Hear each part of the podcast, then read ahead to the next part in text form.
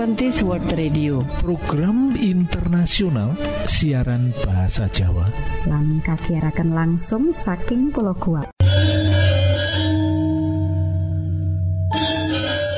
Para sederek monggo monggo. Sugeng mirengaken program pertama inggih menika ruang motivasi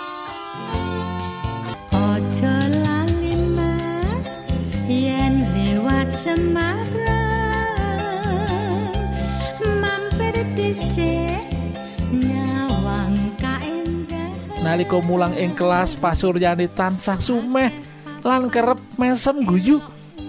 Ing dalem Bu Siti uga apik banget lan tresno marang anak-anake tangga-tanggane. Aku urip dhewean ora duwe bojo ora duwe sedulur wong tua wis padha suwargi. Ora ana maneh sing bisa tak tresnani kajawa murid-muridku lan anak-anake tetanggaku. Mengkono swara batine Bu Siti. Swara batin iku kerep diceritakake marang kanca kancane guru lan tangga tanggane. Mula senajan urip ijen Bu Siti ora tau rumangsa kijenan. Omahe tansah rame. Ora sethithik murid-muride lan anak-anak tanggane kang seneng dolan rono saliyane kerep diwenehi jajan bocah-bocah kuwi uga diwenehi les gratis. Lan saben tanggal 6 bubar bayaran Bu Siti Bu Siti mesti nganakake syukuran. Tinimbang duit ditumpuk ana bank luwih becik dienggo nyenengake atine bocah-bocah. Ngono prinsipe Ibu Siti minangka guru SD negeri. Bu Siti urip sederhana. Ora seneng utang ing koperasi. Budal lan mulih. Mulang cukup numpak sepeda ontel. Ora tahu nganggo perhiasan kajaba anting-anting cilik. Agemane uga sing murah-murah wae. Ning tansah resik lan rapi. Manut penemune Bu Siti urip sederhana marakake ati ayem lan tentrem lho sawijine dina Bu Siti gerah ora bisa mulang. Sarirane panas greges lan lemes. Mula mung sare sarean wae ana kamar.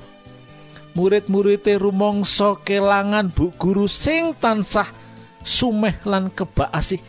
Mula awan kuwi mulih saka sekolah bocah-bocah padha mampir menyang daleme Bu Siti sadurunge budal bocah kelas sekelas urunan.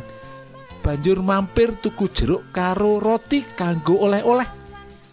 Ibu njaluk ngapura ya cah ora bisa mulang kowe kabeh. Ibu lagi gerah nak. Dongakno ya supaya ibu enggal waras ya nak.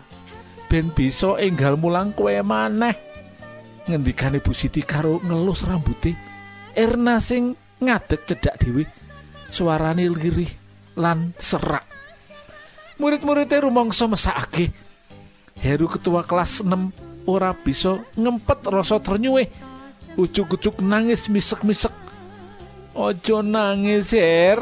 Cah ora parang gembeng lo nak ngendikane Bu Siti marang Heru. Didhawuhi ngono tangise Heru. Malah saya nemen. Dheweke rumangsa mesakake banget marang Bu Siti loh guru sing apike kaya ngono ora pantes yen gerah. Kudune sehat terus ben bisa mulang saben dina. Kanca kancane nganti melu brebes mili loh Naro sing biasane paling bandelan keset malah nangis guguk-guguk loh Bu Siti esem nyawang Naro sing nangis. Kue kuwi nangis apa guyu to Naro pandangune Bu Siti. Krungu pandangu ngono kuwi bocah-bocah sing maune nangis dadi guyu kabeh. Bu Siti pancen ban pinter lho. Pinter ndagel lan gawe guyon lho. Sesuke Bu Siti isih durung bisa mulang isih gerah ing omah. Kanca-kanca kita kudu biyantu Bu Siti lho usule Heru marang kanca kancane. Nalika wayah ngasuh ya ya ya setuju setuju setuju. Jawab konco kancane. Mengko awan mulai sekolah kita mampir menyang dalam ibu Siti. Ora perlu urunan lan gawa jajan. Awake dhewe mengko ngrewangi resik-resik dalam ibu Siti. Ya wis setuju setuju. Tenan. Awane murid-murid kelas 6 podo dolan menyang dalam ibu Siti maneh. Kula lan kanca-kanca badhe mbiyantu ibu Heru matur Bu Siti mesem lan mantuk-mantuk. Heru banjur bagi tugas. Bocah wadon tugase umbah-umbah lan noto bekakas mureh ketok rapi. Ana sing banyu kanggo persediaan unjukan. Kancane sing lanang-lanang nyapu omah nyapu latar lan ngepel. Naru pilih ngepel jogan bocah sing biasane bandel lan keset iki ujug-ujug malih sregep. Dheweke rumangsa salah. Mergo Bu Siti gerah sawise nuturi dheweke sing ajek keset ora gelem garap PR rumangsane naruh Bu Siti gerah mergo mikir oleh keset. Ora kesel naro pandungane Bu Siti nalika naruh ngepel jero kamar naruh mung gedeg-godeg karo mesem ora ngatonake bandeli letrong dina Bu Siti wis bisa mulang maneh. Bocah-bocah senenge ora jamak luwih-luwih naruh. Dheweke rumangsa lega rasa salahi saya sudo dheweke saiki sregep sinaulan garap PR uga sregep. Uga ora tau telat maneh. Lah Bu Siti uga pirsa anane owa-owahan kuwi. Kowe saiki arep sregep ya naruh sregep banget ya naruh. Ngendikane inggih Bu cekak wangsulani naruh naruh sampun mertobat lho Bu. Dheweke getun amargi asring damel Bu Siti gerah Heru Cululuk. Bu Siti kaget oh ngono ya? Gerai Bu Siti iku dudu salahmu kok naruh nanging ibu remen kowe saiki mudak sregep. Becike yen sore kowe dolano menyang dalem ibu melu les ngendikane Bu Siti wicaksana inggih Bu. Wiwit dina kuwi naruh ngajak sawetara kancane lanang les menyang dalam Ibu Siti. Saliyane diulang pelajaran sekolah uga diulang bahasa. Mula kejaba mundak pinter naro sing biyen nakal lan bander saiki malih sopan lan ngerti tata krama. Ora ana sing ngira nalika melu ujian nasional utawa UNAS Naru bisa lulus ranking telu. Bu Siti remen banget. Bisa nuntun muridé kanthi becik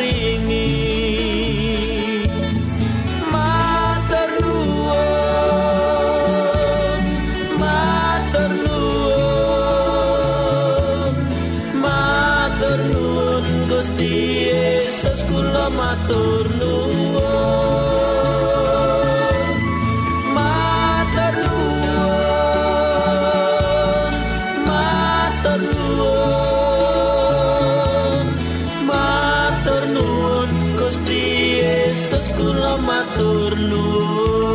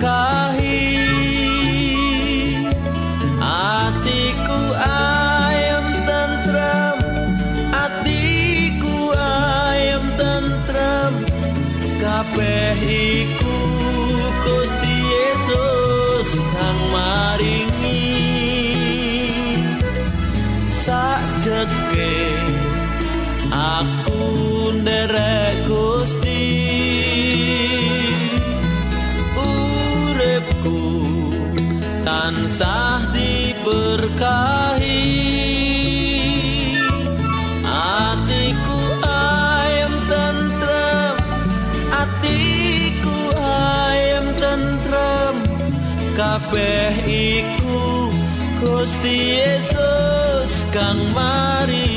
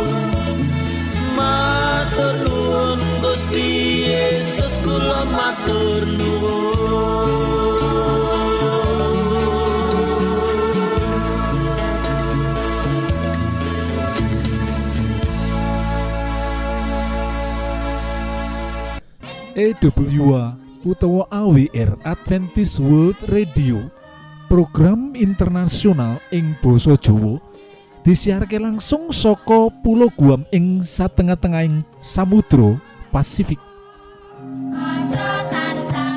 Para sederek monggo monggo sugeng mirengaken program kedua inggih menika ruang kesehatan. Salam sehat Gusti berkahi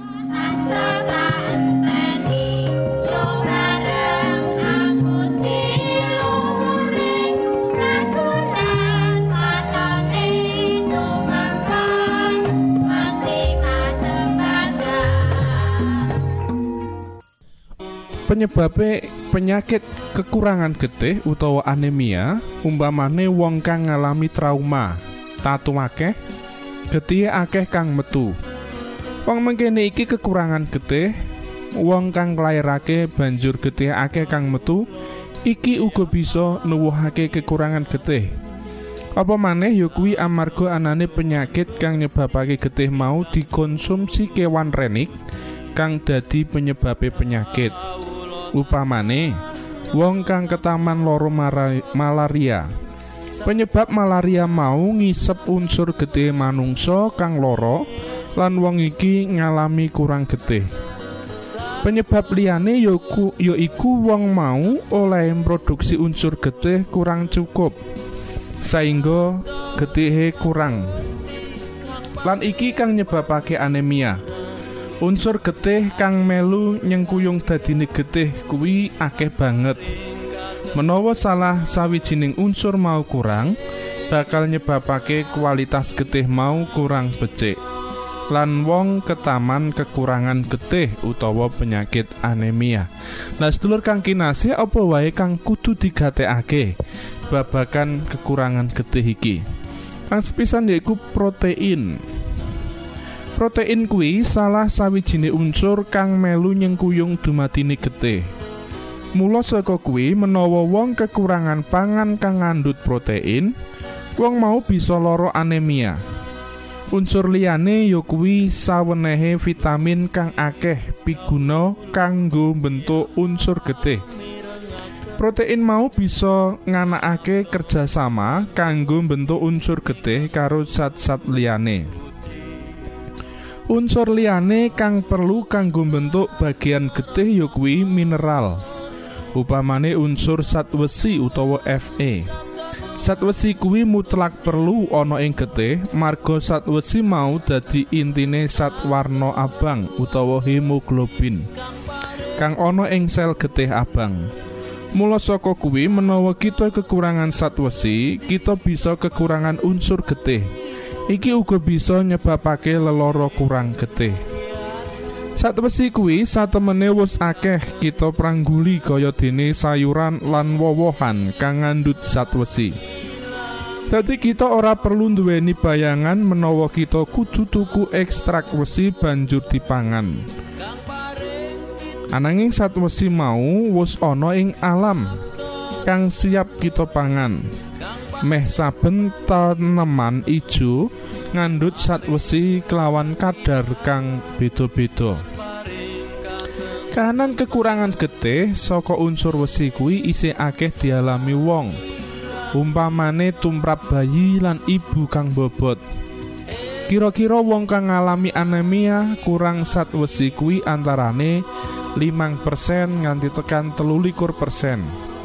Kang akeh ngalami kahanan mangkene kuwi ibu hamil lan remaja. Sebab mungguhing ibu hamil unsur getih mau wis kanggo ndapuk kahanane gatra kang digandhut. Dene tumrap remaja amarga ing umur iki wong mau butuh pertumbuhan. Dadi menawa ora dikandheni panganan ekstra, remaja mau bisa kekurangan unsur getih lan bisa nandang anemia. Kang akeh kelakon uga remaja putri. Amarga kajaba ing umur pertumbuhan uga wis ngalami menstruasi. Tumrap kahanan mangkene iki akehe kang kelakon nandang kekurangan zat wesi kuwi golongan ekonomi lemah amarga kahanane uripe yo nandang kacingkrangan.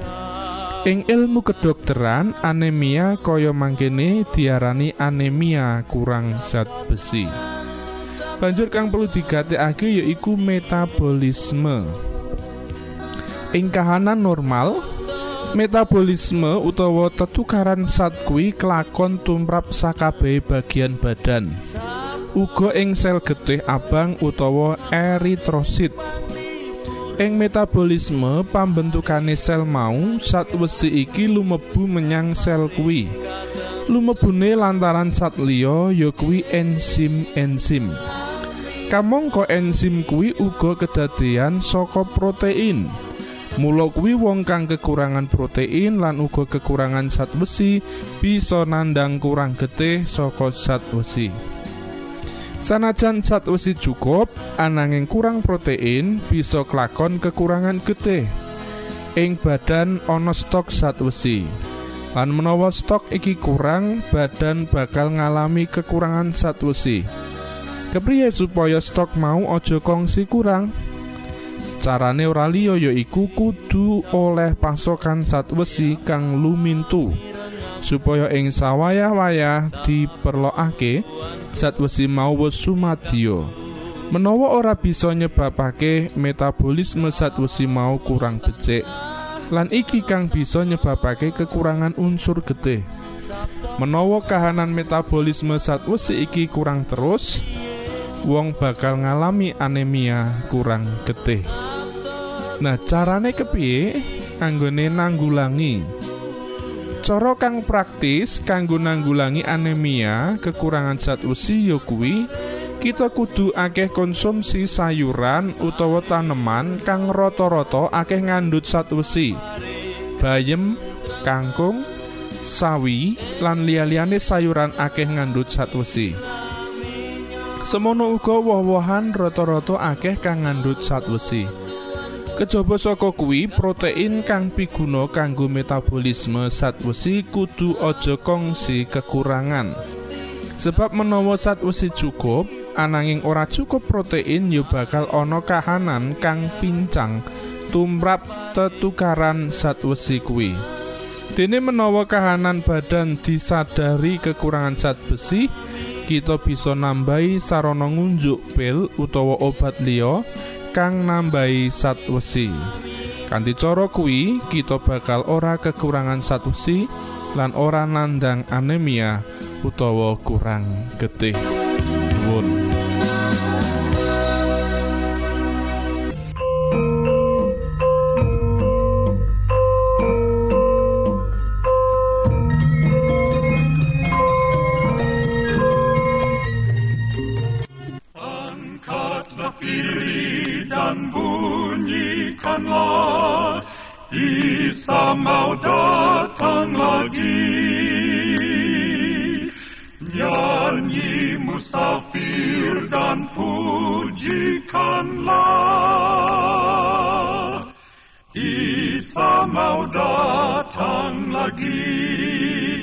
EWA utawa AWR Adventist World Radio.